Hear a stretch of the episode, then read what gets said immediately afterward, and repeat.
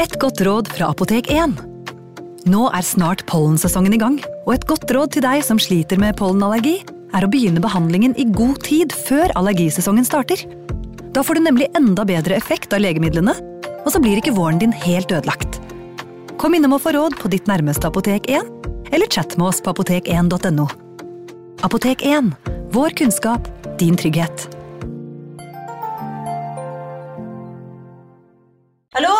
Jeg kommer fra Oslo politikammer. Ine Jansen er purk. Er du purk? The motherfucking bitch. Alt jeg vil, er å finne ut hva som skjedde med mannen min. Jon Carew. Er jeg sikta for noe? Iben Akeli. Det er du. Ole So, Lars Berrum og Big Daddy Karsten. Hvem sin side er du på, egentlig? Anette Hoff, Tone Danielsen, Kommer du fra Afrika? Jørnis Josef, Nesten. Kløfta. Trond Espen Seim, Det er synd å si det, men det var feil mann som døde. Purk. Premiere tirsdag på TV2 Play.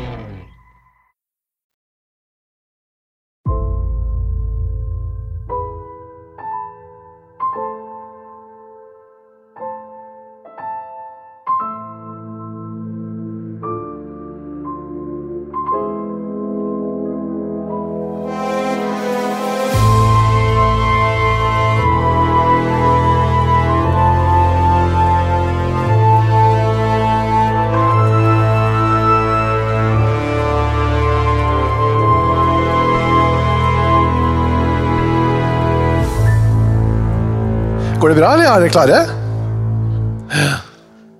Er det noen som aldri har hørt henrettelse på den før? Ja, en type der borte. Og to der, ja. Eh, vi trenger ikke si vi trenger, Det er selvforklarende, skal vi ikke si det, Torgrim? Det skal vel bli det, iallfall. Ja. Dere skjønner hva som skjer. Så ingen her kommer til å være i tvil om hva som har skjedd i nabolaget. Litt for liten tvil, for det er jo ganske fæle ting vi skal innom i dag. Ja, eh, det er vel en for, nesten en foreløpig rekord i fælhet. Ja. Men det er foreløpig rekord, da. Det sier ikke så lite. Ja, men, vi, men vi har jo verre ting oppi in the pipeline. Ja, det har vi. Nok av, nok av ondskap å ta av, ja. Dessverre. Ja. Men så det, det, Sånn er det. Men vi har jo også skjønt Torgrim, at jo verre det blir, jo mer koser folk seg. Det er det som er litt rart. Ja. Det sa vel, sa vel Henrik Ibsen også det. Jo mer du roter, jo bedre lukter det. Sånn. Ja, Sa Ibsen det? Ja, og Det var da om lapskaus, da. Ja vel. ja. ja det gjelder for podkaster òg. Ja. Og i dag skal vi jo holde oss eh, vi pleier jo, Du pleier å være flink til å finne ting som har skjedd i nærområdet. Ja, og Østfold er jo ikke noe det er ikke noe fylke av hyggelige små bønder som leker eh, lang, sånn, Spiller langeleik og danser eh, Nei. springer og ganger. Og. Dette var jo det fylket hvor man Dette var jo gamle Vingulsmark. Hvor de i førodenistisk tid samlet seg rundt det store bordet, så hadde de en hestepenis som de hadde, hadde røkt, og som de da sendte rundt, sånn at alle skulle få gnevle i seg. da. De spiste på den? Ja, Ja vel. Dem om det. Ja. Hørtes jo Ja. Eh, du er jo selv fra Østfold, så du kan jo være litt sånn ja, Ja, åpen. jeg hadde en historielærer som var uh, ihuga Østfold-folklorist. Ja. og Fortalte grusomme ting.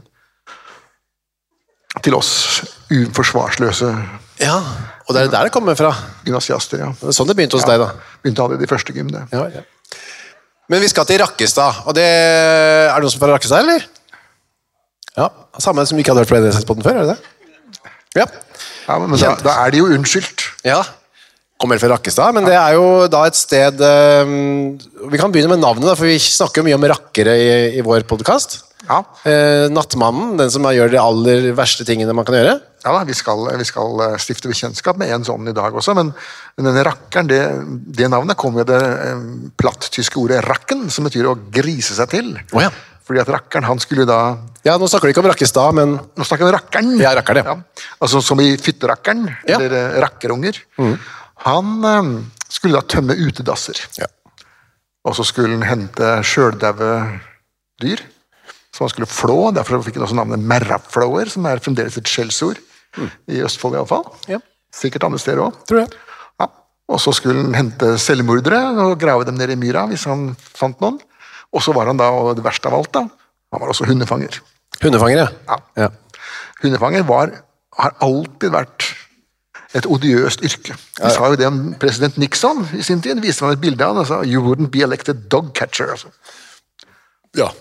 Riktig. Men uansett, alle disse fæle tingene var han, da. eh, det er jo rakkeren. Uh, men Rakkestad, har det noe med rakkeren å gjøre? Nei, det, det kommer av en mann som heter Rakki. Ra Rakki? Ja. Oh, ja. Han har gått tapt i historiens mørke for lengst, den gamle Rakki, men eh, han, han var den som bodde på et sted, da, som da ble Rakki-stedet, eller Rakkestadet. Ja, riktig. ja. Så det var, det var ikke en by han grunnla? Som ble Nei, Rakki det betyr visstnok kjapp, Rakke? Rakke, rakke. Ja, Ja. rask. Ok. Men selv om ikke det er bygget, altså navnet kommer at det er en rakkere som, som holdt, til, holdt til der, så er det grusomme ting som har skjedd der. Veldig mange grusomme ting har skjedd der. Ja. Og da begynner vi med, da begynner vi med en som heter Anders Fuglenes. Ja. Og nå er vi på 1700-tallet, tidlig 1700-tallet. Veldig tidlig 1700-tallet. Så å si eh, Han har vel vært med å feire århundreskiftet. Ja. Eh, Nå ble jo det bare kaos eh, i, i Norge, da.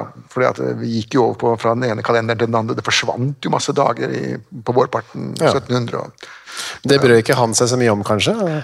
nei, den gangen så så de på sola, og så gikk de hver søndag i kirken, og så hver søndag hadde jo sitt navn, og det var det de De sa ikke jeg var født eh, 19. september, eller noe sånt, de sa jeg var født fire dager etter Mikkelsmess, to dager før vinternatta, og alle dager hadde jo denne primstaven. da, som Ja, ja, ja. masse festlige symboler på.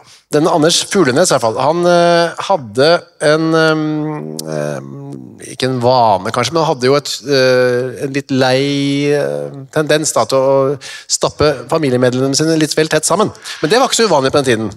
Det var så vanlig at man, at man lot småunger, gutt og jente, stappa dem i samme senga, og der lå de, og så gikk årene, da, og disse småguttene ble etter hvert store gutter, og disse småjentene ble etter hvert små jenter, men eh, de fortsatte å ligge der, da, for de hadde jo gjort det siden de var barn, men så plutselig så skjedde det ting, da, Ja.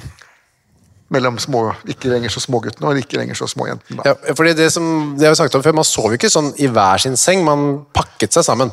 Ja, og eh, herr og fru eh, lå jo selvsagt i samme seng, det gjør de jo fremdeles. Ja.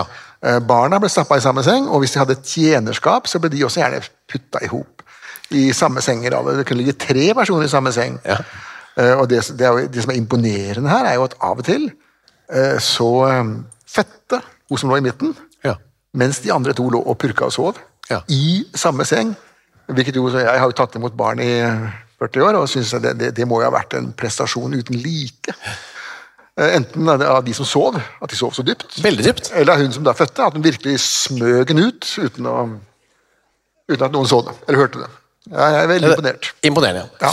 Men det som skjedde her, da, og det jo Det var jo ikke egentlig, det var ikke bra og tillatt å lage barn med søsken.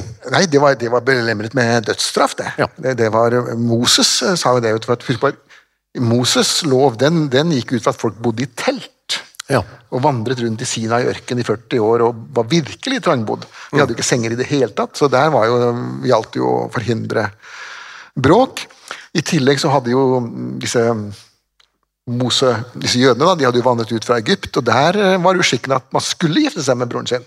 Oh, jeg man det? Ja, Faraoen gjorde det hele tiden. Bror og søster, bror og søster, bror og søster, så døde de jo ut da etter en fire, fem generasjoner. Måtte begynne på nytt igjen. Og så veldig snåle ut også de siste Det ble veldig rare etter hvert, ja. De ble veldig pussige, hvis du har sett bilder av Tutankhamon. Han så jo ikke helt ja, Du du hadde stussa hadde sett den på trikken. Ja vel.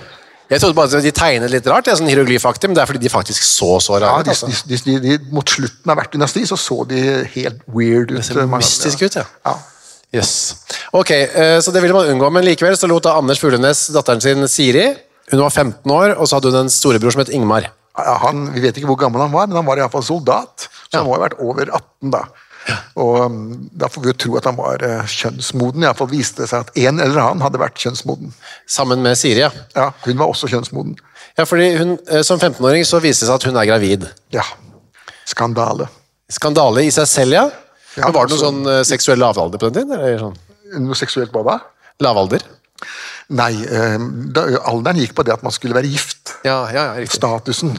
Eh, Men man kunne jo godt gifte seg som, eh, som Ja, så fort, så fort man må være konfirmert. Da. Man måtte jo være konfirmert etter 1735, eller ha vært til sin første nattverd, eller så fikk man ikke gifte seg. riktig ja. Men var noen, brydde seg ikke om det heller. De eh, inngikk et såkalt konkubinat, De bare flytta sammen. De, de ble kalt for slegfred. da. Hva ble det kalt for? navn på det. Hva da? Slegfred. Og Slegfred. barnet deres var slegfredsbarn. da. Det som er når Anders finner ut at datteren sier jeg er gravid, eh, ok, det var litt dumt, for du er ikke gift, eh, og i tillegg så er bu- det, er- ja, det er broren din, ja, som er, eh, det er Ingemar som er faren. Ja, Det ble enda dårligere stemning.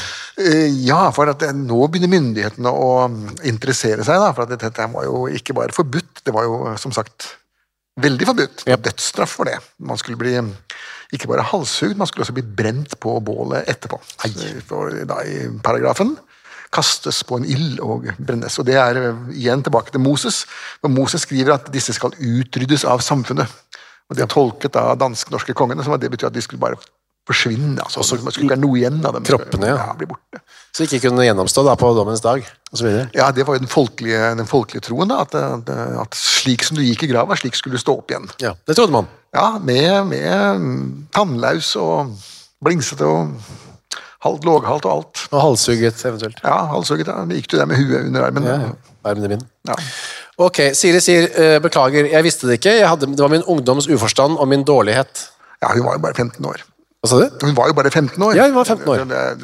Selv den gangen var ikke det rare greiene. Han, Ingemar, han bare stakk av han. Han dro over til Sweden. Han gjorde det. Ja.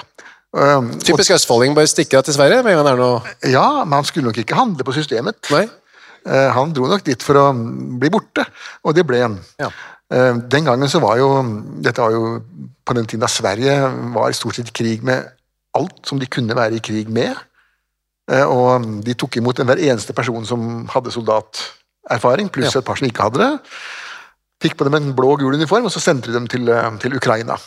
Åh, sier du det? Ja, Polen og Ukraina, der vandra jo Karl 12. rundt i år etter år etter år, inntil det ikke var flere igjen.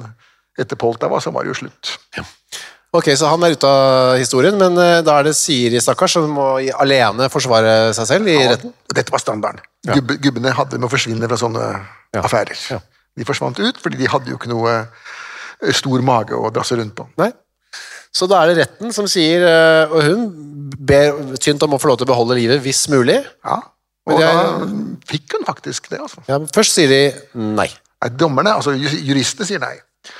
Nå, vi må følge lovens bokstav. Du, Jurister er jeg skal ikke si noe stygt om advokater, men de er jo en tendens til å være litt sånn firkantige da, og følge boka og paragrafene sine. Og det gjorde de her. Så hun ble dømt 29. mai 1711 til å halshugges med sverd. Ja. Det var um, en nådesbevisning at du skulle med sverd, ikke øks. Hvilket jo var en veldig tvilsom benådning, egentlig, for at eh, dette med sverdet det var jo veldig vanskelig, og mange bødler som ikke fikk til det med sverdet, så det ble veldig mye hakking av det. Mm. Uh, man sto der og hogde og hogde, og hogde og som, som en litt uøvet Ja, tømmerhogger. men likevel mer ærefullt da skulle det være. Ja, for det, Poenget var at hvis du skulle halshugges med øks, så måtte du ligge på bakken. Ja, det. Hvis du skulle halshugges med sverd, så kunne du stå på alle på kne, med huet opp, så man så hva skal vi si, menigheten i øynene, da, mens eh, bøddelen sto der og håpet at det skulle gå bra denne gangen, iallfall. Nå må jeg kunne få det til på mindre enn ti hogg. Hun eh, ble dømt til døden, og nå tror kanskje at vi er ferdige for i dag. og Det var en veldig kort og rar eh, episode. Men intens. Ja, på en måte. Men eh, det skjer ganske mye mer, altså. Men hun blir i hvert fall benådet. da. Siri blir benådet. Det er jo Hans Majestet, da. Konge, kongen. Fredrik den fjerde, ja. Fredrik 4., og han var jo selv ikke noen dydsmønster. Han gifter seg først med en ordentlig prinsesse, og så noen ganske kort tid etterpå så gifter han seg til venstre hånd. altså Han bruker venstre hånda, så har han en kjerring til. Oh, ja. Uh, Som han uh, egentlig holder på mye med, så, men han, hun dør jo etter kort tid, da, for han uh, Ja, hva skal jeg si, da? Hun, han pulra i hjel, da. Å ja. Jøss. Hvordan, hvordan da, sånn rent? Nei, man gjorde det den gangen. Den gangen var jo det også Var det vanlig? Ja, det, det å lage barn den gangen, det var jo en risikosport Ja. for damer. Mennene klarte seg stort sett bra hvis ikke de fikk syfilis, men damene kunne dø av disse fødslene. og gjorde Ja, ja, veldig ofte- ja. Ja, ja, jo, jo. Ja. ja, det er jo resultatet. Det er det som kommer i den andre enden. Det kommer som en konsekvens av pulinga. Det ja, skjønner jeg. Ni måneder give or take. Ja. Men i alle, så, fall- i alle fall, så Han holdt på med det, og så når den var død, så fikk han seg en ny en til venstre hånd. Å ja. eh, Og sånn holdt han på. altså Han kjørte dobbelt eh, spor eh, hele tida, han. så han var ikke så nøye på sånne ting? Han var litt sånn frisinnet der, ja. Han var ikke det, ikke sånn som sønnen hans, sønnen kong Kristian 6. Han var jo en festbrems av de helt store. Han hadde bare én kone og drakk ikke og, og spilte ikke kort.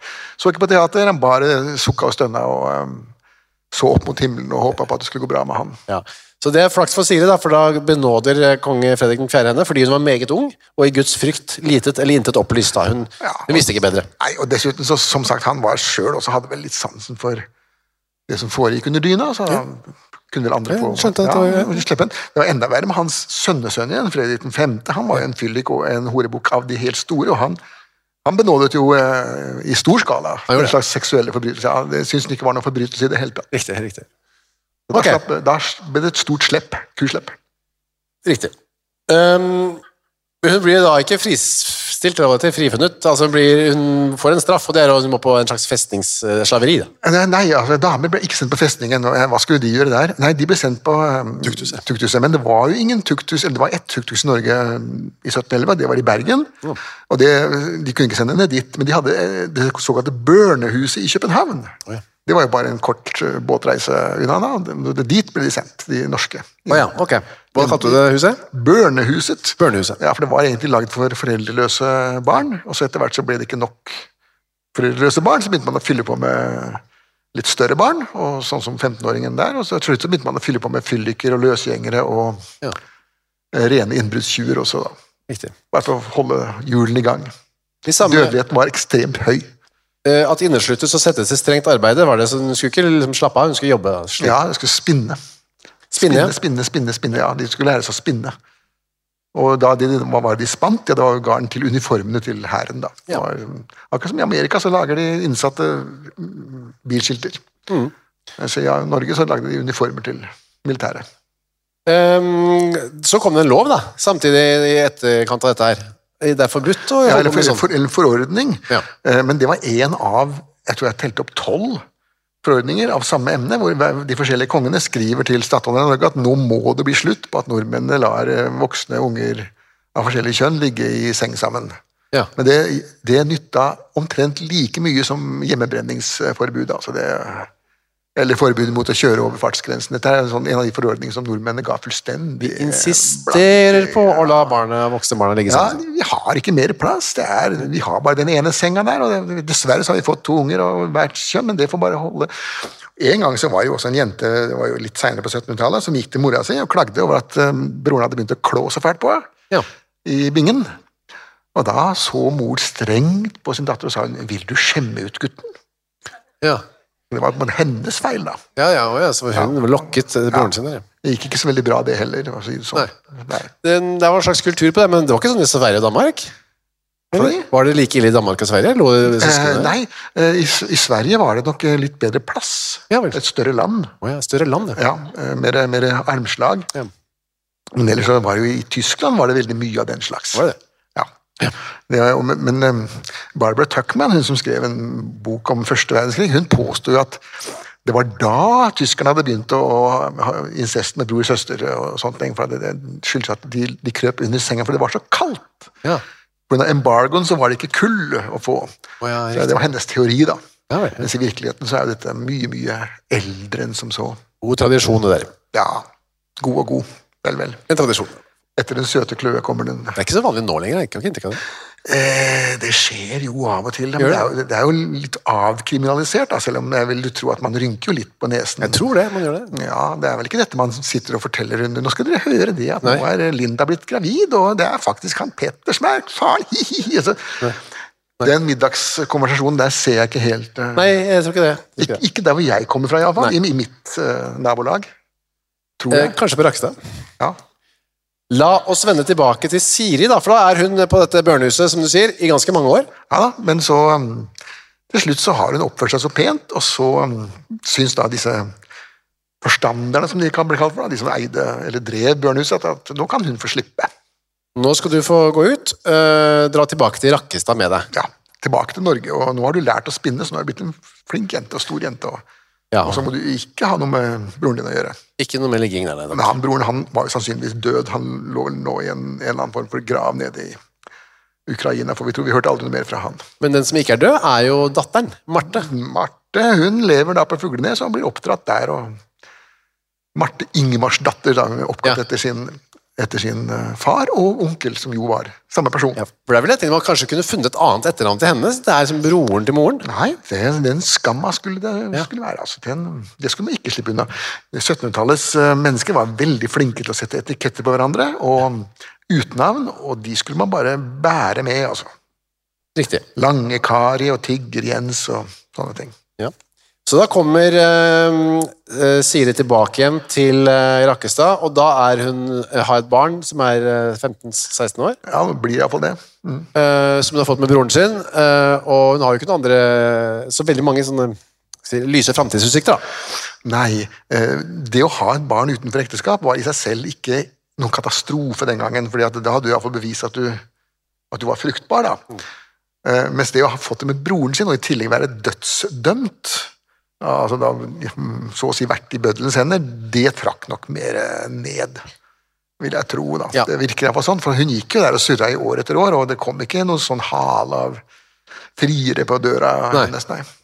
Nei, og det har vi snakket om mange ganger før òg, at hvis du var da liksom singel dame på den tiden der, det var, det var ikke så greit. Nei, altså fremtidsutsiktene var jo eh, tjenere, være tjener.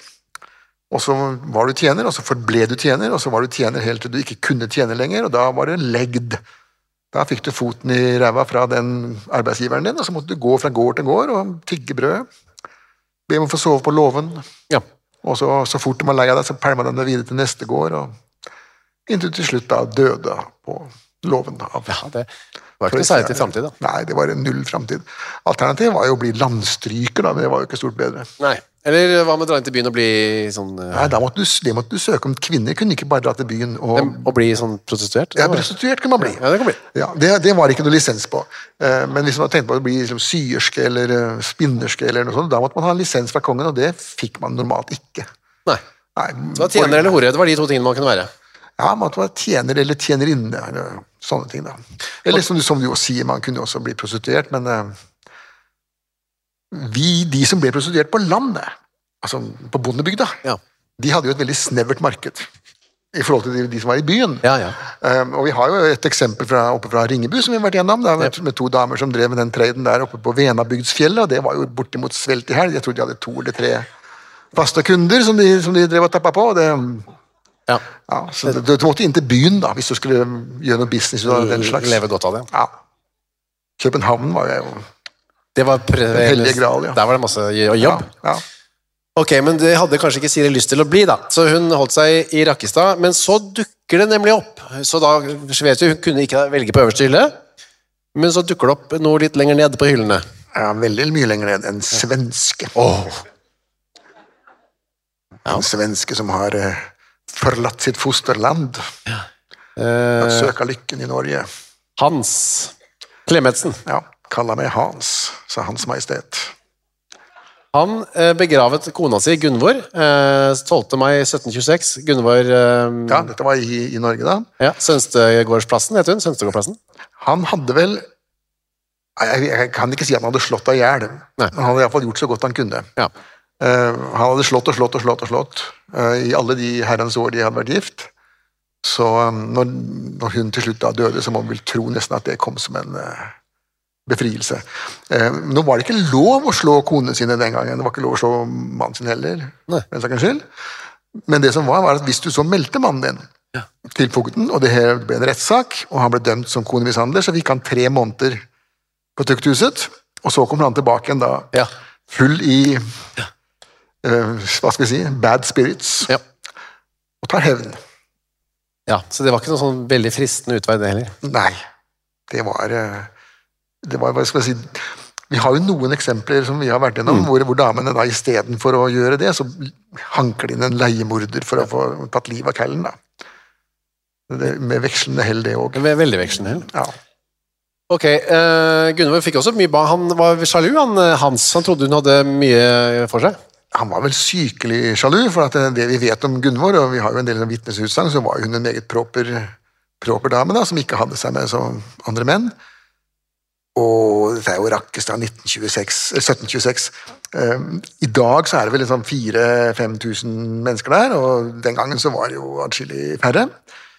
Og eh, bygda hadde tusen ører og tusen øyne, og alle så hvem som gikk hvor, og så. Og sladderet gikk høyere, ryktene gikk høye som hus, hvis det skulle være noen ting. Og de gikk ikke om henne. Jo, ikke det? Nei, det var masse vitner i rettssaken etterpå som kunne vurdere at hun hadde vært helt eh, Kanskje ikke akkurat Snow White, men veldig proper, og ikke, ikke hatt seg med andre mannfolk. Vi skal jo snart få høre at eh, Hans eh, trodde veldig mye eh, om ting som kanskje ikke skjedde. Nettopp. Og så er det at også i tillegg at de var jo gift i en god del år, Hans og Gunvor, og det kom ett eh, barn ut av det Var det ikke to? Marte og Kirsten? Martin og Kirsten. Og på 16 år, eh, to barn, det tyder jo på at de kanskje ikke Gunvor hadde seg så mye med mannen heller. Nei, ingen. det. Eller eventuelt at mannen ikke hadde formågan, Ja, riktig. som det heter. Og Det er jo noe som man ser ofte, at, at impotente menn med litt høyt alkoholforbruk har en tendens til å bli sykelig sjalu. De får en sånn sjalusiparanoia Ja, og kan bli veldig voldelige over det. just da. Uansett så er Hans da, han er ikke interessert i å være noen singel, han i hvert fall. Eller enkemann. Nei. Lenge. Nei da, det å være enkemann, det likte han. Han vil ha noen om man kanskje ikke ha noe i senga, så vil han iallfall ha noen som eh, lager mat og holder huset i orden og tar seg av de ungene han tross alt har. da. Så han kan drive med sine eh, hobbyer, og gud veit hva det var for noe. Det kommer aldri fram. Så da er det jo en ung dame, ganske ung i hvert fall, som heter Siri, som spankulerer rundt på Rakkestad, og nå er eh, Så ung og ung og ung, men altså hun Vel, vel. Altså, ja, hun er jo det. yngre enn han i hvert fall. Ja, ja, yngre enn han. Absolutt. Så han frir til Siri Andersdatter, som hun heter. Hun er 31 år her. Eh, som har da den datteren fra før, er Marte. Ja, Marte Ingemarsdatter. Ja, og hun sier ja. Ja takk. Ja, tusen takk. Jeg tror, Nå reddet du meg ut av et eller annet. Ja. Det hun ikke skjønner, er at hun er blitt reddet over fra asken og over til ilden. ja, for det kunne ikke bli så mye verre egentlig enn å si ja til han her. Det skal vi snart få høre. Nei, Jeg vet ikke hvordan det skulle være verre. Altså, det, hun, hun, eh, I enhver kvinnes liv så kan det være en valgmulighet, og av og til så gjør man et dumt valg. Altså, Ja. hun, hun gjorde nok et litt um, teit valg her.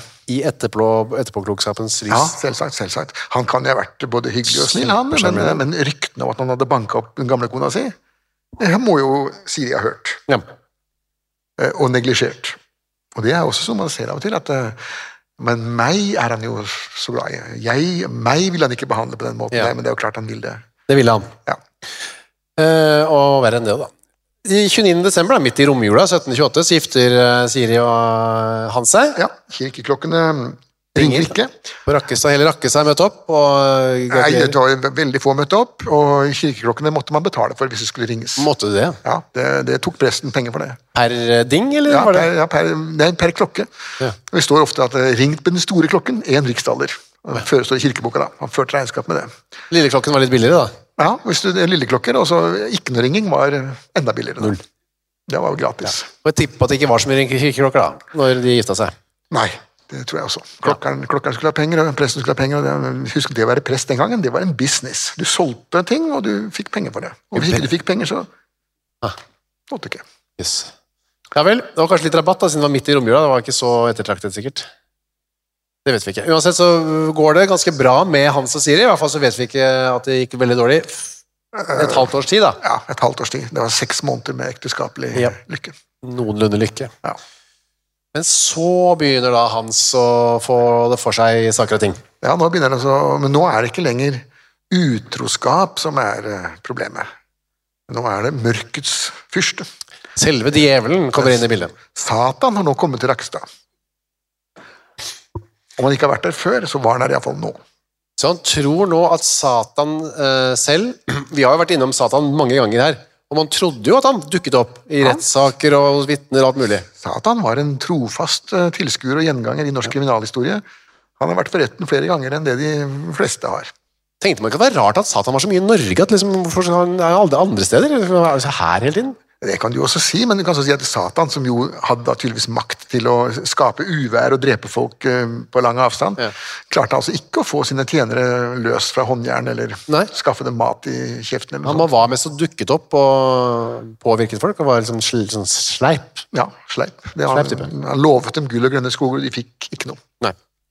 Ok, så Satan for eh, den befolkningen på 1700-tallet var en ganske reell type, da. Ja, Han var en fysisk person, og vi har jo hatt flere eh, henvendelsespotter hvor man har sett ham. Ja. I form av en svart skikkelse, eller av en svart hund, til og med. Ja. Jeg husker Gjertrud som lå i, kista med Rappe-Rappe, lille, lille vovoven, det var jo også Satan. da. Sånn. Rappe, rappe, ja. Hunden Rappe, Rappe. Ja. Ehm, riktig. Så da har eh, Satan flyttet inn i hjemme hos eh, Siri og Hans, og det syns ikke Hans er noe ålreit? Nei, eh, nå har fanden faret i henne, og han skal nok vite å få ham ut. Hvordan mente han at han kunne merke at Satan hadde faret igjen, egentlig? Det sa han aldri, men sannsynlig så var det krystallklart inne i hans hode. Ja. Men det kom bare aldri ut. Nei. Det kan være at han bare syns nå, nå vil kjeder han seg. Nå vil han ha litt action. Og da tok han og drev ut, eller hvis han lokket ut Satan. Ja. Han tok nemlig klærne til um, Siri Mm. og pælma den ut på gårdsplassen. Og da mente han at det var det Satan var interessert i. Altså Han ser her for seg at Satan er en slags form for drag uh, eller transartist Ja. Ja. uh, som er på jakt etter dameklær. Ja, um, Det var nytt for meg, men uh, jeg er jo ikke teolog, så men i alle fall så mente han at Hvis han da pælma hennes klær ut på tunet, så ville Satan løpe etter for å få tak i kjoler og stakker. Han var så og- ivrig etter å gjenbruke de klærne, da. Ja, han var trans-Satan. Trans-Satan? Ja. Ja, Det han sier, er at han kastet Siris klær ut på tunet, da. Som han så den onde hanterte, så han måtte unnvike. Ja, At den onde kommer og tar klærne ja. Tar dem siden på seg. på seg, Ja. og Hanterer- svanser av gårde nedover gata. Look at me! Ja, Ned til Rakkestad sentrum, da, ut på byen. Ja, ja. Litt problem hvis han hadde horn og hale. så er det litt problem å det er jo, eh, Kjoler er jo mye mer praktisk for den som har, ha- har hale. da. Ja, ja, sånn Bukser er litt vriene å få på seg. Det er derfor han ville ha kjole, vet du. Ja, det kan være for å få halen ned i skjult. Ok, så da puh, jeg fikk Satan vekk eh, for denne gangen. Ja, pust ut. Ja. Men så blir det juni, eh, og da blir det verre. Ja, dette, det topper seg igjen. Og da er det en dag i juni 1728 hvor eh, Siri, altså hans kone, og Marte Hansdatter Nå begynner dette forbannede navneopplegget på, i gamle dager. Ja, Dette er to Marter. ja. Det er Marte Hansdatter som er hans egen datter, da, og så er det Marte Ingemarsdatter som er, det er ganske Brorens eh, brorens datter. Ja, Bror, brordatter. Yep, sånn er det.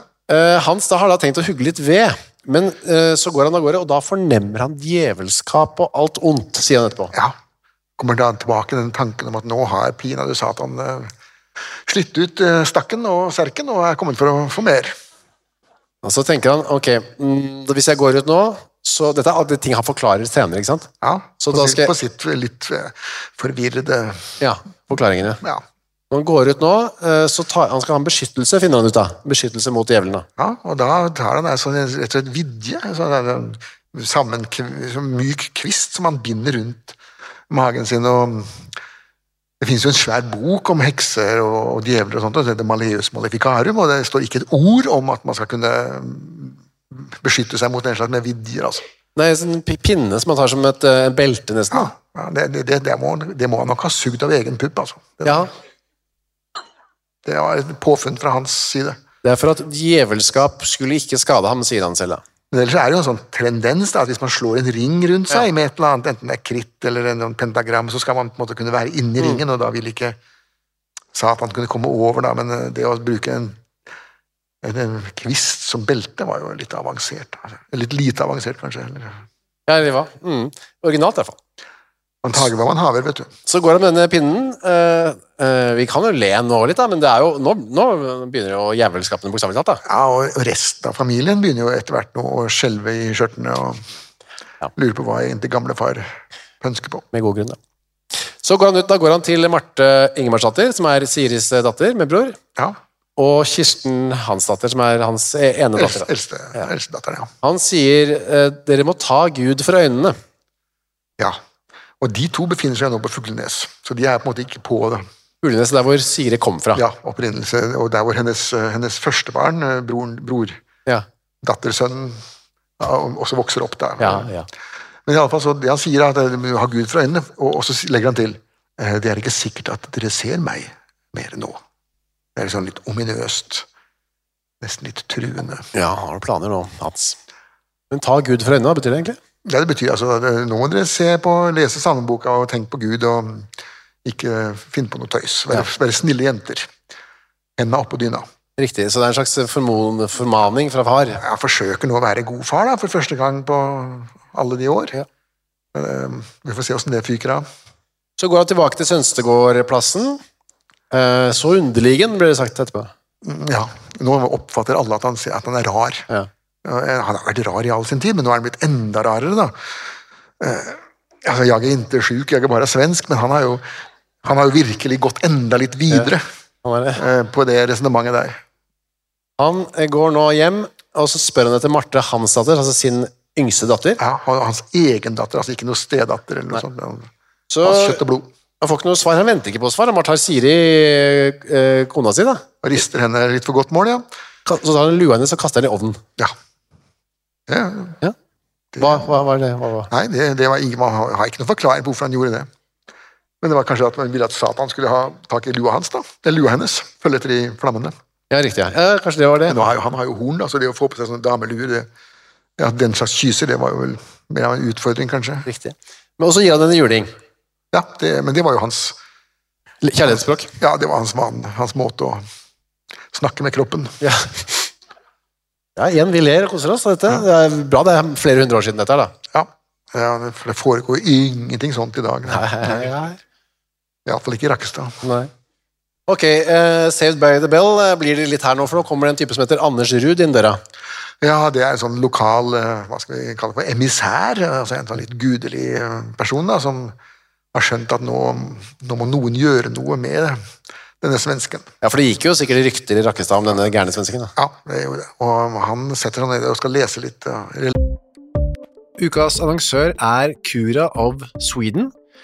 Visste du at verdens søvndag feires den 15. mars? Nei. Det er en dag som er til for å skape oppmerksomhet rundt dette med søvn. da. Og så er det en god anledning til å tenke over dette med egne søvnvaner. Jeg er jo veldig glad i å sove, jeg er så glad i å tenke på å sove, og så veldig glad i å glede meg til å legge meg. Jeg så på Squid Game med familien her eh, rundt juletider. Der legger jo deltakerne seg eh, hver kveld da, i sengene sine, og da, det kunne jeg nesten synes var høydepunktet av Squid Game, var når deltakerne la seg. Jeg synes det så så deilig ut å legge seg. Nå hadde ikke de Kura of Sweden vektdyner, da, riktignok, eh, som hadde gjort det enda bedre. Det er en ny studie nå fra Uppsala universitet som viser at vektdyne, bruken av det, øker melatoninnivået hos friske unge voksne eh, når de legger seg. Da. Og melatonin det utskilles for å fortelle kroppen at det er på tide å sove, og så kan det bidra til å øke trøttheten. Da. Med andre ord, har du en vektdyne fra Cura of Sweden, så får du mer melatonin og enda bedre søvn. Da. I tillegg til vektdyner og tepper, så har Cura også andre produkter som skal gjøre søvnkvaliteten vår bedre, blant annet AirTemp-madrassen de har, som hjelper til med å regulere kroppstemperaturen. Altså, det er så mye å boltre seg i for oss som er glad i å sove. Og fram til 15. mars så feirer Cura verdens søvndag med opptil 60% rabatt på curaofsweden.no. Og bruker du koden vår HENRETT med to t-er, får du i tillegg 25% avslag på både originale og nedsatte priser. Sov godt! Ukas annonsør er Next Story. På Next Story så finner du hundretusenvis av eh, e-bøker og lydbøker. Du finner folk som jeg har eh, intervjuet og snakket med, og liker bøkene til. Agnes Ravatn, hennes siste bok. Gjesten er der. Nina Lykke, sin siste bok. Vi er ikke her for å ha det morsomt, er der. Og så er det jo det er krim, biografier, essays, eh, romantikk, sannhistorier, barnebøker, faktabøker, spenningsbøker, science fiction. Alt mulig du kan tenke deg. Og også bok av uh, Torgrim Sørnes. De henrettede igjen, Ondskap, eksempel. Det er da uh, Torgrims gjennomgang av en del av sakene fra 1800-tallet, som endte da med halshuggingene, som de gjerne gjorde. Uh, for eksempel Kristoffer Svartbekken, denne snikmorderen fra um, Elverumsdraktene, som pryder også coveret, ser jeg, skummel type. Eller da, som sagt, forferdelig mye annet. Gå inn på nextstory.no skråstrek henrettelse registrer deg der, så får du seks uker gratis tilgang til nesten uendelig mange bøker. God fornøyelse. religiøse bøker. Eh, For eh, Hans Det var, kanskje det det siste han trengte å høre, da, men han ville kanskje heller trengte å høre hva loven sa, men han, Ja. det var det han fikk, da. Ja, for han var sagt bare, Nå går jeg inn til hans, og så leser jeg litt religiøst med han, og så hjelper det. Ja, da hjelper det. Det blir bra. Ja. Guds ord skal helbrede Eller hva så var det, sannheten skal sette eder fri, sa jo Jesus da. Det er Kanskje det Anders også mente. Sånn ble det ikke. Når han kommer inn, så sitter uh, Siri, altså kona hans, og altså Siri til hans og gråter, Ja. mens han sitter jo og leser religiøse ting, han sitter og leser Fader vår. Om igjen, om igjen, om igjen. Ja. Det er liksom det han kan, da. Ja. Det, det var det de lærte på, på skolen. Leser han, han framsier det. Han, Framsier, ja. Han kan det nok neppe lese. Men de lærte det utenat. Og den gangen så ble det kalt for å lese hvis man leste opp, eller Ja. Ram, deklamerte. avlese, ramsa ut uh, Fader vår. Uh, og da sier Hans, du, det som skjer her, skjønner du, er at fanden har kommet til min kvinne. Ja. Hun er besatt av den onde. Ja. Og Det har han vært før også, sier han, og jeg drev ham ut, men nå er han kommet tilbake. Yes, sier Anders. Eh, greit, da bare stikker jeg igjen. Ja, Det tror jeg var fornuftig av ham. Eh, Jeg tror jeg ville også gjort det samme i hans eh, situasjon, ja. Men det er ikke snakk om å ringe noen, holdt jeg eller på helt Eh, Nei, nå er det bare snakk om å komme seg selv vekk Ja, fra den kruttønna som nå er i ferd med å detonere foran hans øyne. da. Du vet, Gud har ikke gitt motet i likt monn til alle, sa tsar Aleksander Alexander ja, Russland. da. Nei, det var ikke noe inngripen der fra, fra, fra Anders. Eh, ikke noen andre egentlig heller. Nei, alle, men dette var jo det typiske for Bygde-Norge. Man sto og så på inntil katastrofen var et faktum. Så grep man inn. Ja. Det er visstnok en skikk fremdeles. Så det blir kveld eh, hjemme på Sønsegårdsplassen, da. Ja, dessverre. Mørket, Dessverre. mørket senker seg både utvendig og innvendig og inni huet på Hans. Så, Og da syns han at det begynner å bråke sånn. ja. Nå er det polter, poltergeisten, da. Satan han gjør jo det også. Han lager av til styr. Han banker, har vi hørt mye før. Ja, Bankånder, og så skraper han også nå, da. Han har jo klør, i, Ja. sånn han skraper. Det Hans hører, er at det, det sprakete rev. Sprakete rev og skrapete overalt. Ja, jeg hører altså lyder. Um, Dette er jo midt på sommeren, da, sånn juni-juli-aktig, og da så Det han hører, er jo ikke huset som på en måte gir seg i kulda, det er jo ikke det, men det kan være vinden han hører, eller det kan være husdyra som står og bråker. Ja, På hytta så har vi ofte mus inni veggene, da, er det, Ja, skraper og krafser og skraper det. ja det er en veldig ekkel lyd å høre om natta, spesielt. da. Spesielt, ja. Ja. Hvis du tror det er Satan sjøl, så er det jo enda verre, da. Vil jeg tro. Jeg vet ikke om jeg kanskje hadde foretrukket Satan Sier du det? fram. Ja, vær så snill. Ja, så jeg må si at mus, mus i huset er jo så, for meg som veldig kvalmt, da, hvis ikke de er i hvite og er i bur. Ja. Yes, Nei, vi, er, vi kan være forskjellige òg, det er greit, det. Ja, ja, ja. Så han mener at det, det er fanden, ikke bare fanden, men også hans apostler, sier han nå, da. Ja, og dem var jo en haug av. Ja. Med veldig mye fancy navn. da, Belzebub og Bal og, og sånne. Slags eh, motsvar til Jesus' disipler, er det det? Ja, det skal være det. Men Apostler er jo tilhengere, da. Ja. Læregutter eller sveiner. Så nå er hele den gjengen flyttet inn i huset. Ja, inn i huset. Og av en eller annen grunn skal altså da Mørkets fyrste, som da har hele jorden som sitt spillerom, har nå gått inn på Sønsterødgårdplassen eh, for å ta Siri. Ja. Ta bolig i Siri. Han hadde ikke så mye logikk bak den. Nå var vel ikke eh, eksamen filosofikum en del av eh, Hans Clemensens barndomslærdom, vil jeg tro. Det jo et eget fag som heter logikk. Det var ikke så veldig logisk alltid det heller. Han, eh, det han gjør da, at han får ikke sove, så han eh, legger seg eh, Der er en benk. Der ligger ti år gamle Marte, hans datter, hans egen datter. Ja. Han legger henne over i Siris seng, og seg selv. Altså Hun er jo nå Det høres kanskje kvalmt ut at han legger seg sammen med datteren, men hun er ikke mer enn sånn rundt en 10-11 år, da. Så, Nei, nei. så- så. De legger seg i senga til Siri, hvor Siri ligger, da, regner jeg med. Ja, Så er ikke det så bra, så legger han Marte tilbake i en annen slags seng, da. ja flyt, De flytter seg rundt i huset for at han vil at de skal komme seg vekk fra skrapingen og bankingen. Og rivingen. Men de gjør jo ikke det. altså Det, det fortsetter jo. Ja, det fortsetter med å slå et, Musen, eh, musen er fremdeles i veggen. ja, et kors over eh, Marte. Ja. Det skal være sånn eh, korsets tegn. Av og til, så hvis man var redd for eh, at den, eh, de underjordiske skulle så ta små barn, så, så kastet man stål en, over dem. da, tok en sånn kniv eller noe sånt, og så kastet det over senga der de lå. Da skulle da beskytte dem. Det ser skummelt ut. Eh, Ja, ikke sant? Fulle folk som da Kaster kniver kaster kniver eh, over, over Ja. vogga hvor små barn ligger. Ja. Det Eh, det er ikke alltid det går bra heller, nei. Men alternativet er at Satan skal ta dem. Og, Ja, det, Eh, Satan går ikke vekk. Han lar seg ikke jage vekk, og uh, det larmer og skraper. Uh, han forsto det var fanden, sier etterpå. da. Ja. Nå be- Han han ber rett ut nå. Satan, vær så snill, gå vekk. Ut, ut herfra. Ja. Hjelper ikke. Den, denne Sønstegårdsplassen er ikke stor nok for oss begge. Nei, riktig. Så går da natten, og så blir det morgen.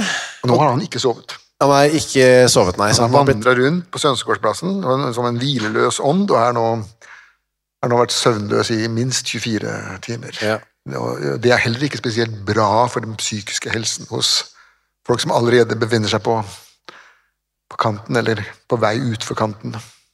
Nei, han eh, gir eh, For nå er jo Siri som liksom er selve eh, bæreren av Satan sjøl. Ja, Hun er nå det mennesket som Satan har tatt bolig i. Ja.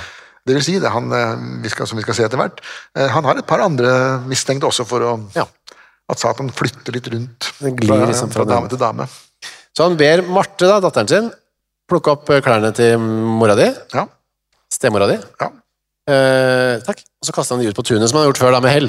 Ja, ja da skulle da Satan nok en gang få sjansen til å gå in drags, som jo tydeligvis er det som Satan gjør i Østfold.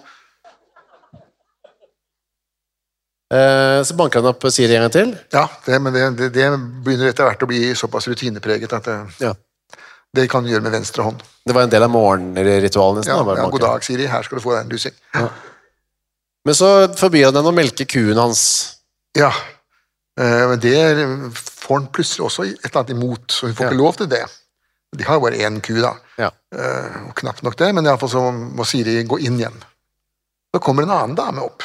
Men vent litt først. Eh, sier, jo, sier, sier han også at Siri ikke skal få noe mat? Ja, ja, ja, altså, hun, nei, hun får ikke mat. Og da, da, Det syns Marte er trist, og begynner å gråte, men så får hun også da juling. Ja da, ikke bare juling, men for, får, å bli mishandla Ja vel. på en grotesk måte. Så kommer denne damen, det er Kirsti Larsdatter. Ja, Hun er tilkalt for lenge siden, for hun skal komme opp og hjelpe Siri med å skjære til noe tøy, for at de skal lage seg nye klær, for de gamle har jo Satan Ja. Fyker rundt i hennes stakk og, og bunad. Men nå kommer Hans ut, for han har jo lyst på melk, og det, han har jo forbudt eh, Siri å melke ku. Ja, så da kan hun, den nye kan da blåse i de klærne, for de, hiver jeg likevel, sånn at melk kua. Ja. Og det gjør hun. Eh, ja. Tut. Og da kommer Hans ut, Uh, si, gi noe av den uh, melken til den, kalven til kuen. Ja, ja. Og så spør da hun at eh, Men ja, hvor, hvor, ja, hvor mye skal kalven få av dette, da? Og da er det vesle Marte ikke kjenner sin besøkelsestid, får man si. Da Da dukker hun plutselig opp i fjosen og sier at uh, mor pleier å gi kalven det som er i en sånn skål som dette. Det var ikke meningen at hun skulle si noe om det, det syns Hans var å gå altfor langt, så han langer ut en lusing av de helt store og klabber til vesle Marte, så hun triller bortover på fjøsgulvet og forsvinner. Med bakhånden i munnen, blir det sagt etterpå. Ja, altså sånn. Bukk bak med henne. Ja, ja. Nå var det slik at man mista jo gjerne tennene veldig tidlig på 1700-tallet uansett. Ja vel. Sånn de, Ikke så farlig. Ja, det var, det var jo veldig, veldig uvanlig å nå 40-årsalderen og ha en pann igjen i kjeften. Så det, på et eller annet tidspunkt så skulle de jo forsvinne uansett. Det er greit å bli ferdig med det. Ja, det var jo til og med, til og med noen som ga bruden eh, i brudepresang eh, en full tannuttrekning hos smeden. Så en tanntrekning? Ja, så var det gjort. Hun Ja. skulle ut likevel, så slapp hun alt det bråket der. Kunne gå tannbjørn. Ja, morgengaven sin, det. Ja, det, er noe å tenke på, det er mange eh, vakre, mange vakre skikker som, som Leikaringen ikke har tatt opp. Ja. Vel, vel, vel, vel. Kirsti som er på besøk, tenker ok, jeg skal også trekke meg pent og stille ut av dette her. Ja, dette blir for mye for meg. Nå har jeg melka kua, nå går jeg hjem igjen. Ja. Setter melka utafor døra til huset. eh, Ja, for hun får ikke komme inn, nemlig. Nei. Og så får hun beskjed av Hans også at eh, du kommer ikke inn her, og hvis du hører at så Siri gauler et eller annet innenfra, så kan du ikke bry deg om det. Ikke hør etter. Og så sier han, nå er tiden kommet, gå fort, fort nu herifra, du urene ånd. Ja, og det har han da fra Markusevangeliet, hvor eh, en gal mann kommer bort til Jesus, og Jesus eh, sier da 'far ut, du urene ånd'. Ja. Eh, Også denne urene ånden ber da for seg. Hva skal jeg gjøre for noe? Eh, Jeg, jeg har ikke noe lyst til å fare ut. Og så får da den urene ånd beskjed om å gå inn i en flokk med Griser. griser, som så løper utfor et stup eh, og dør. At jeg syns veldig synd på grisene i denne historien her, for de er helt uskyldige. Ja, dette her er jo en klassiker, fordi at i dette momentet her så spør jo Jesus også Hva heter du? spør han den onde ånden. Og da sier den onde ånden legio, eh, for jeg er mange. Ja. Og det ble senere brukt av eh, den kjente alkoholiker og visdikter Bellman. Ja. Som da lar en av sine skikkelser åpne døren til puben, og det er helt mørkt. Og han roper da 'Hvilka er ni?' Og da får han svar innenfra puben, da. 'Legio'. Tyvi er jo mange. Å. Altså, puben var full. Riktig, ja. Ja vel. Det var jo for så vidt Bellman òg, som regel. Man lærer veldig mye av forskjellige selskapsting med å ha denne podkasten. Dette her burde vært pensum på Om ikke akkurat folkeskolen, så fall Barneskolen, ja. barneskolen. Ja. Vel, vel, vel. Eh, ok, Kirsti er ute av bildet. Ja, så er klokka blitt sånn Den urene ånd med henne, da. Uren ånd blir med henne. Ti og tolv på formiddagen. Eh, så har Hans på en eller annen måte gått inn igjen. Ja, nå har døra? ja, Kua har jo melka, og kalven har fått uh, mat, og Marte er blitt banka opp. og Nå er det inn til Siri igjen, da. Ok, nå, nå, det er nå det ikke er så hyggelig, da. Det har ikke vært hyggelig før, da, men dere skjønner hva jeg mener. Nei, det har vel ikke vært noen solskinnshistorie. Men vi er vel ikke kjent for å fortelle solskinnshistorier. det er blitt en annen pod rar, en annen, annerledes podkast.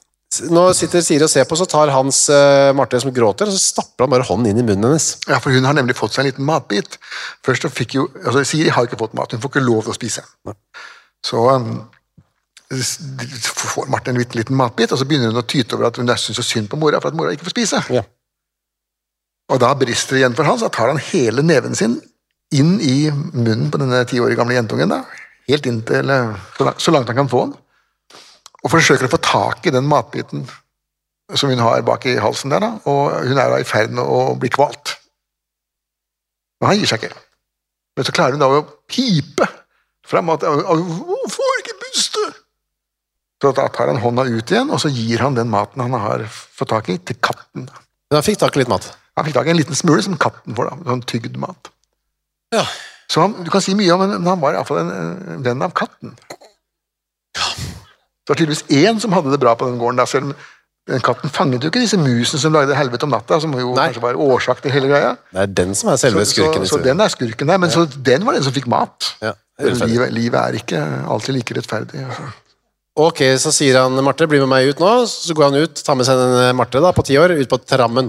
Ja. Og låser da igjen døra, så Siri Ja, Siri sitter fremdeles inne og griner, um, og nå skal Marte da få sin bekomst. Så leser de denne Fader vår igjen, da. Ja, iallfall så er det han som leser, om hvor mye hun kunne av det fader vår. Hun hadde jo ikke vært til kommunion enda, som det heter. Altså.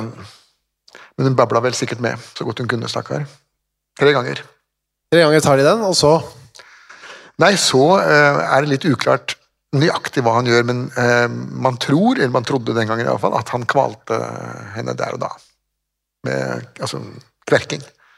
Men eh, han drar iallfall med seg denne halvdøde eller heldøde dattera da, ut fra gårdsplassen, sleper henne ned til Rakkestadelva, som jo renner rett forbi Sønstegårdsplassen, og mm, drukner henne der. Hvis hun ikke allerede var død, så druknet hun iallfall der han putter huet under vann og holder henne under vann til det slutter å si blubb, blubb. Og det var slutten på Marte. Eh, så, Ja, og det, si vi syns kanskje dette var en litt forferdelig slutt for en liten jentunge, men uh, jeg tenker alltid på hva hun også da ble spart for av ja. videre Misere. Ja, av en gammeldags oppdragelse under Hans Clemensens hender. Det kan ikke ha vært noen dans på roser, det. De finner i hvert fall eh, Noen, jeg vet ikke helt hvem, men de finner Hans og Marte Dette er jo midt på dagen. Ja. De- alle, alle står og ser på at nå går Hans uh, og drukner dattera si i Rakkeselva, så de kommer jo løpende til, men uh, for seint.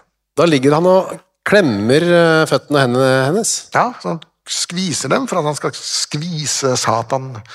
Så Satan har tydeligvis flytta igjen på seg, da. Ja, Som en sånn majonestube, så prøver Ja. han å klemme Satan ut av Han skulle eh, ha kommet av nesa hennes, sannsynligvis. da.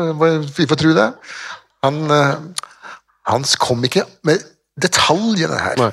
Men uh, han sa at han skulle kryste fanden ut av datteren sin. Han hadde jo allerede klart å få fanden ut av, um, ut av Siri, da. Men så hadde han tydeligvis han ville heller ha en liten barneklær. da. Kanskje han var eh, ikke bare trans, men også yes. andre ting. Så det det han har trodd at Satan har hoppet nå fra Siri og over til dattera. Ja, En tur innom melkersken, fra kumelkersken, som var urene ånd. Så i det hele tatt, han har han fikk bein å gå på. I Rakkestad. Og da er du jo inn i kasjotten med Hans. Ja, lensmannsarresten. Jeg ble Ja. putta i kjelleren der. Ja, et uh, hull av noe slag. Ja, ja. Kaldt og fælt. Vi har vært innom mange sånne høl. Ja. Det, det var der de satt.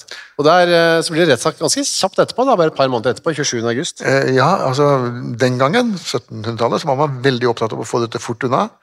Fordi at den som satt fanget, spiste og åt og fyrte opp i peisen med lensmannens penger.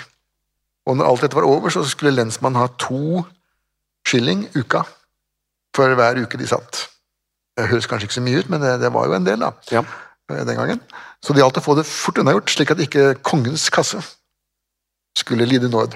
I utgangspunktet så skulle nemlig alle utgifter ved forbrytelser skulle bestales av forbryteren.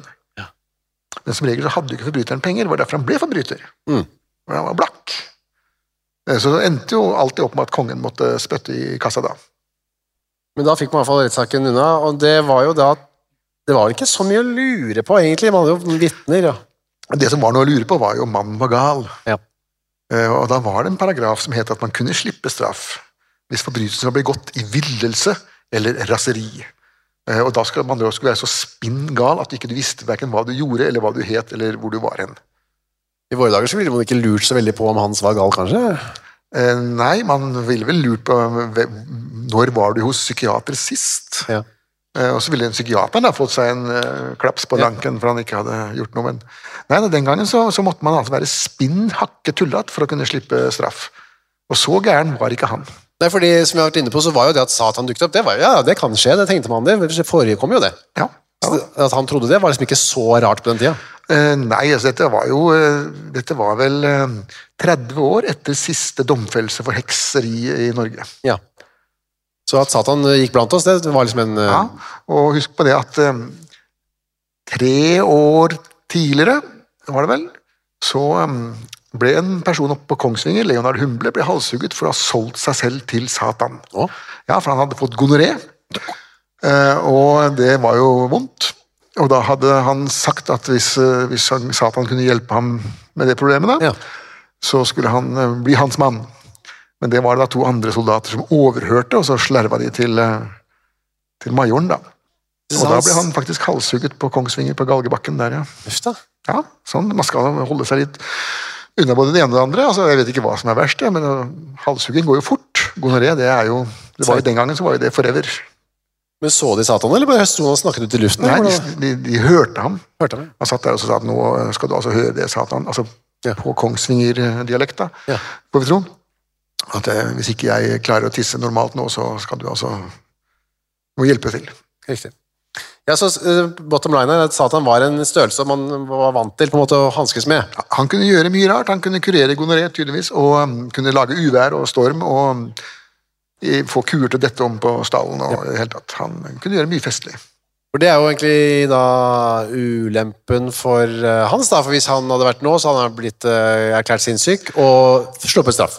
Ja, for nå heter det seg jo det at Satan ikke fins. Ja. Det mener jeg det ble avgjort uh, i departementet her i Norge en gang på 50-tallet. Ja vel, ja. At verken Satan eller helvete var lenger De ble avskaffet da Ja. ved en eller annen form for regjeringsbeslutning. Det var jo veldig greit, da. Uh, Ja, det var kanskje det, men altså, hva, hva, hva så hvis regjeringen tok feil? ja, det vet vi ikke. Nå tar jo aldri regjeringen feil, selvsagt, men altså, man kan aldri tenke sånn. Det som skjedde, var at de lurte på om eh, altså, så Han får dødsdom 27. august eh, av sorenskriveren Ja. i første runde. Ja.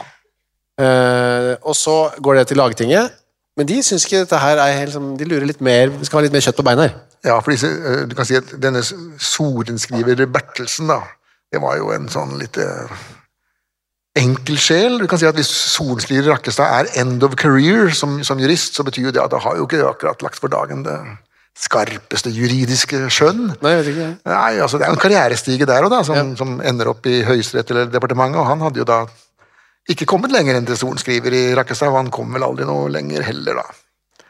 Og Lagtinget syns at de burde, man burde utforske dette med er det et motiv her, eller er det bare liksom Satan? Ja, For de mente nemlig at uh, hans løy. Hans løy, ja. Ja, eh, De mente at han var rett og slett en kaldblodig morder. Ja. En barnemorder. Men, altså, de, og, så, så de mente at det, alt dette han sa med Satan, og det var bare tull. Men det de ville vite, var hvorfor. Hva er det som driver en mann til å drepe sin uh, halvvoksne datter? Det var jo litt uvanlig, da. ja. Og de mente at det var en slags hevn. Ja, uh, Det var hevn mot, uh, mot barnets mor. Da. Siri. Ja. Eller stemor, da. Ja, stemor. Hvilket jo også er en underlig tanke fra, fra lagmannens side, men det var noe sånn han det var det eneste motivet han klarte å finne. da. Bortsett fra Satan. da. Ja, men Satan, som sagt, Lagmannen avblåste Satan. Han, han, eh, Satan fikk ikke lov til å komme inn I det lagtinget? Nei, det, Det Lagtinget var jo på Moss den gangen. vet du. Og de var mer eh, skeptiske til Satan. Satan har ikke noe på Moss å gjøre. Nei, nei. Du er fra Moss? Ja, og han eh, holder seg langt unna der. Ja da. ja, ja. Så de, men de lurte på, da. De spurte jo rett ut. Uh, har dere kranglet, eller hva er det, er det derfor? Ja, nei, nei, nei. De fikk ikke noe ordentlig svar. Nei, nei, nei. Fikk bare vås. Vås fra Hans og Siri sa at hun ikke skjønte noen ting av noe. Altså, Siri løy også under rettssaken. Ja. Uh, hun skjønnmalte jo eh, sitt ekteskap. En Jeg begynte med det. Ja. Nei, han hadde aldri slått, og nei, han var jo så snill som dagen var lang, og bla, bla. Og så kom det ene vitnet etter ham som hadde sett både blåmerker og hørt skrik. og Mm. Så måtte hun etter hvert innrømme at ja, kanskje Hans ikke var sånn en kjernekar likevel, da. Det som var vanskeligheten for Siri, var jo det at dette var den mannen hun hadde fått tak i. Ja. Og noen ny fikk hun aldri. Ja, husk på, dette var jo, dette var jo the brotherfucker, så hun var jo kjent i bygda som det. og um, Hvis, hvis nå de tok hans og um, tok livet av hans, så var hun tilbake, rykk tilbake til start. Ja. tar ikke 2000 kroner. Så det var, held, det var bedre å bli gift værende med han, ja. Hans, etter alt vi har hørt han foretar seg, enn å være singel. Ja, Det var i hvert fall hennes. For hennes da, kan, da, da må man jo tenke seg hvordan hennes tilværelse som singel i de 15 årene hun var det, og eh, hvordan den må ha vært. Eh, Stusslig stygg, vil jeg tro. Så hun sier i hvert fall eh, Hun vil på en måte ikke si noe. hun- Jeg, jeg vet ikke, jeg. Sier hun. Jeg skjønner ikke. Hun vil helst ikke være der engang. Nei. Ok, men da kommer lagmannen. Uh, vet du hva? Vi slår på stortromma her, vi. Ja, nå drar vi fram eh, en skikkelig forordning. Og Det var den forordningen fra 1697 om drap i, nærmest, i næreste familie. Eh, Og Da var det slik da at den som hadde begått et mord på sitt barn, eller sin ektefelle, eller sin arbeidsgiver obs, ops. Eh, For den som syns at det å ville ta livet av eh, mor og far eller kone er litt fjernt, så tenk på arbeidsgiveren. Ja. Jeg har vært offentlig ansatt i nesten 40 år, så har i- tanken har eh, streifet, Ja. streifet innom. Men ikke med Satans hjelp, da, får vi tro. Nei, nei. Men jeg har ikke gjort det, da. nei, så bra, da. Nei, nei, nei. I'm, så- enn så I'm clean. Nei, nå har jeg ikke arbeidsgiver lenger. Nei. Gudskjelov. Ja, for det. Eh, ja. Men i alle fall så, så skulle man da Hvis man hadde gjort noe av de tingene der, så skulle man hentes ut fra fengselet. Og der skulle bøddelen knipe med noen digre, glødende tenger. Altså Jeg har sett de tengene, de henger på Justismuseet i Trondheim, de er omtrent så svære. Knipes da, og de skulle være holdt glødende ved fyrfat. Knipes da enten på lår eller legger eller rumper, eller hvis du var dame, da på pupper. Et eller annet sted hvor det gjorde skikkelig vondt. Vi skulle da få vedkommende til å skrike. Så skulle vedkommende trekkes av gårde mot retterstedet, og på veien så skulle da vedkommende knipes tre ganger til. Og på selve retterstedet knipes for femte gang, og virkelig sånn at det, det skulle høres over hele Rakkestad, og sikkert opp i Eidsberg, og kanskje til og med over, over grensa. Oi. Eller hit til Så langt, ja. hvis du skriker høyt nok. Men i alle fall, og når det var gjort, så skulle da med en liten øks så skulle da høyre hånd hugge seg av. Og så kan bøddelen ta seg en kort pause, og så tar han en litt større øks og hogger av huet. Og nattmannen kommer fra Fredrikstad. Nattmannen kommer fra Fredrikstad og med, med stinkende av eh, utedasser og selvdaue dyr og i det hele tatt det han har å by på, og så skal han da spikre disse legemsdelene fast på forskjellige eh, staker som står en sånn par meter over bakken. Og på den ene av stakene er det festet et digert hjul, og der blir da den hodeløse skrotten bundet fast. eh, Vi har jo et eksempel på hjul der borte, på venstre side av eh, Det ligger til med en stakkar der. Ja. De får to, det er en raksting. Og så er det et hode på stake på, bak på høyre side. Ja. Det er sånn det så ut, Ser. Og det er, eh, der skulle de legemsdelene være da, og bli spist på av fugler.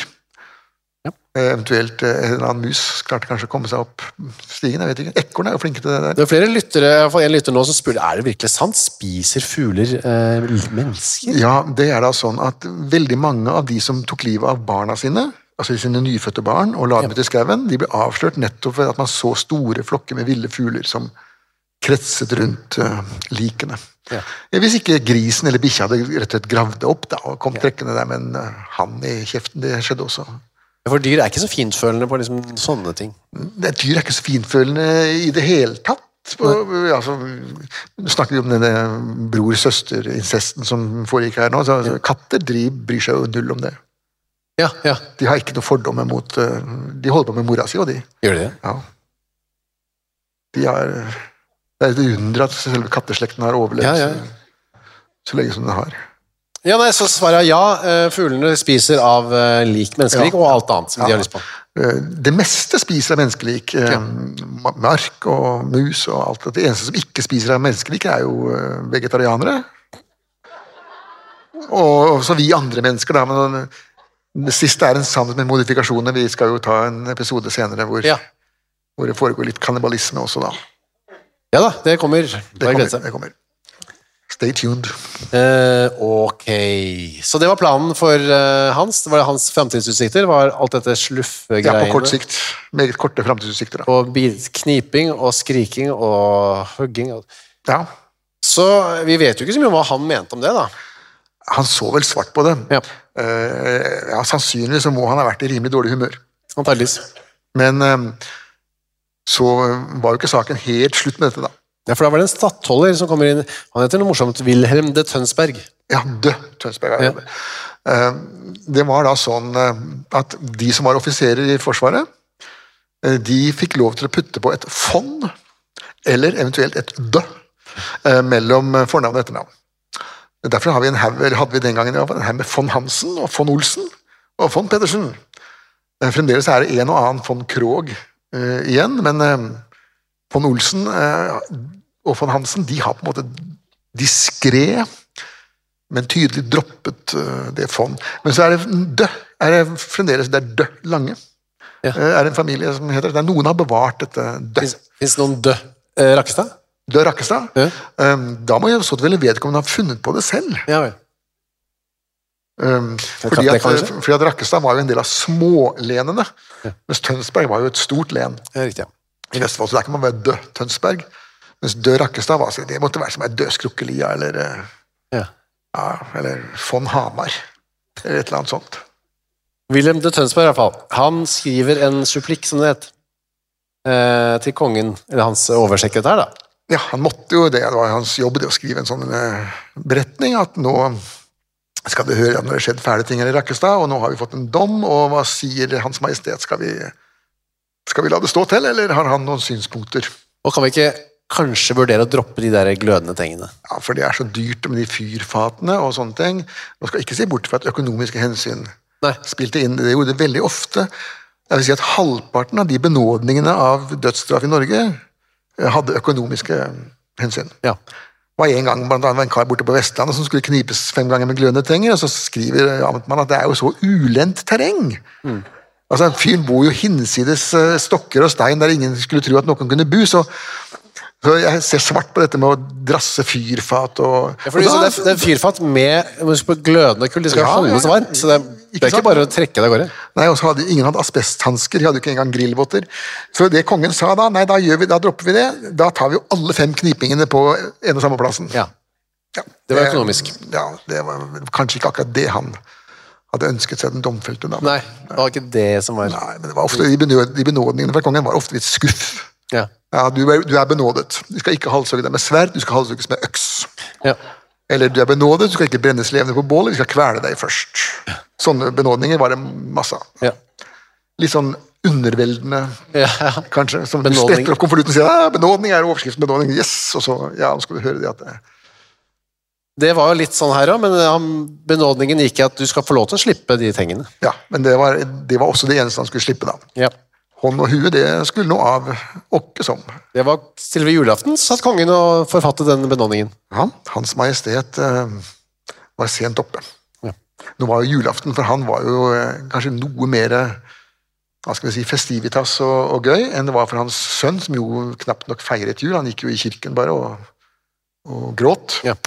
Mens eh, Fredrik han hadde jo som sagt to hustruer, så, og til tider hadde han vel tre.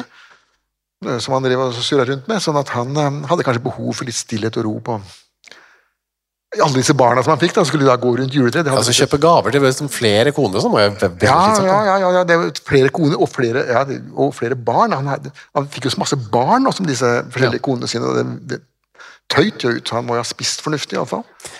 Da var det greit å sette seg inn på et eh, lite værelse og så skrive noen benådninger isteden. Ja, hans lille kontor, da. Så da var det opp på Hvor var det dette skjedde, tro? Jo, det er da eh, rettestedet i Rakkestad. Det, der er det i dag et gartneri. Å. Eh, Ringby, tror jeg, Ringsby, tror jeg det heter. Ja vel. Hvis jeg ikke husker feil. Men eh, det ligger da på en sånn liten det, På folkemunne står det da i bygdeboken, så blir det til stedet omtalt som Galgeberg. Ja. Men det er jo ikke noe berg. Det er ikke noe galge berg i Østfold. Nei, Altså, du og jeg har jo vært på Romsdalsalpene, det, det er berg. det er skikkelig fjell, ja. Ja, Dette fylket her er jo flatt. Men en liten, liten forhøyning, som, som, hvor det har bygd et gartneri i våre dager, da, men det ligger andre ting i bakken under der enn tomatplanter og agurker. Ja, Det er vel gode vekstforhold, kanskje? det da? Det vil jeg absolutt tro. Noe av det er vel også Det har vel også vært brent folk der, så det er jo aske, Aske er i, i bunnen der, ja. Så da var det opp på eh, skafottet med Hans, eh, bakbundet. Ja. Eh, eh, det ble løsnet opp, ja. han skulle hugge av han hånda. Eh, De, fikk, han skulle, de ble gjerne halshugget bakbundet, og de fikk av og til også tilbud om bind for, eh, bind for øynene. Da. Skulle han ikke miste hånden.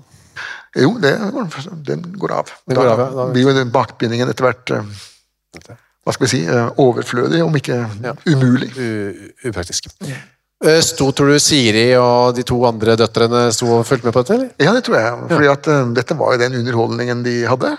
Ja, så selv de ville Ja, underholdes litt. altså, dette var jo en tidspunkt da det ikke var internett, det var ikke noe TV, det var ikke Netflix engang. Altså, du kunne ikke sitte der og se på Makta på lørdagskveld. Hva skal vi se på Makta, eller skal vi se på Pappa blir halshugd. Nei, hvis, nå så går vi og ser på, nå går vi og ser på en skikkelig halshugging, ja. Ja. Um, når jeg sier det, så er det for at det er jo beskrevet, særlig fra England også, at eh, hvordan folk snakket til hverandre. Nå, let's go and see the execution, chop chop. Altså, de eh, Ja. leide lokaler for å kunne ha bedre utsyn. Og i eh, Norge så leide man ikke lokaler, men man klatret opp i trær. Ja. Damer løftet sine små barn opp for at de skulle se bedre. Det har aldri vært så god stemning på Rakkestad, verken før eller siden. Eh, Før har det nok vært det, ja. De har, hadde jo hatt noen heksebrenninger og noe Hekse- sånt også. Så. Men etter dette, her så ble det nok litt stille. Stille. Men da måtte man litt lenger nord, i fylket på Morstang utenfor ja, det var Momarket der, da. Der holdt, man, holdt man jo på å halshogge folk til Hverdagen. langt ut på 1800-tallet. Ja. Og det var slutten på den historien. det. Hvordan det gikk med stakkars Siri og stakkars Marte som var igjen. Og... Ja, nei, det, det er ofte sånn at bygdebøkene de trekker et sånt lite forheng Ja. over sånne ting. Jeg får av og til en henvendelse fra bygdebokforfattere som, som sier at ja, men denne historien her har ingen i bygda snakket om eller fortalt om i det hele tatt. Eh, Og det er jo klart at eh, Hvem er det som har lyst til å si det? At nå skal du høre det at min tipp-tipp-tipp-tipp-oldemor og min tipp-tipp-tipp-tipp-tipp-onkel mm. var også min tipp-tipp-tipp-tipp-tipp-oldefar. Ja. I'm my own grandpa. Det, blir litt sånn, hva skal jeg si, eh, Ja. redneck. Twin, Stemningen. Twin Peaks-aktig av det. Ja. Så man bare lot det ligge litt. Ja, ja, ja. Man trekker fram bygdas, eller slektas store navn, da, og ikke, ikke sisterfuckers. Det er liksom Hvem er Rakkestads store sønn? Det Rakkestads store sønn. Uh, I Wikipedia så står det en liste etter hver norsk kommune, altså store menn som er, og damer, da, som, Damer, ja. som er herfra. Så enhver får slå opp. Det kan slå opp sjøl. Det er ingen som rinner meg i hu sånn Ja, riktig. Nei. Ok, det var, vel, eh, det var vel det vi hadde for i dag. Da er det gratis kålrabi og signerte bøker på scenen. Takk for oss!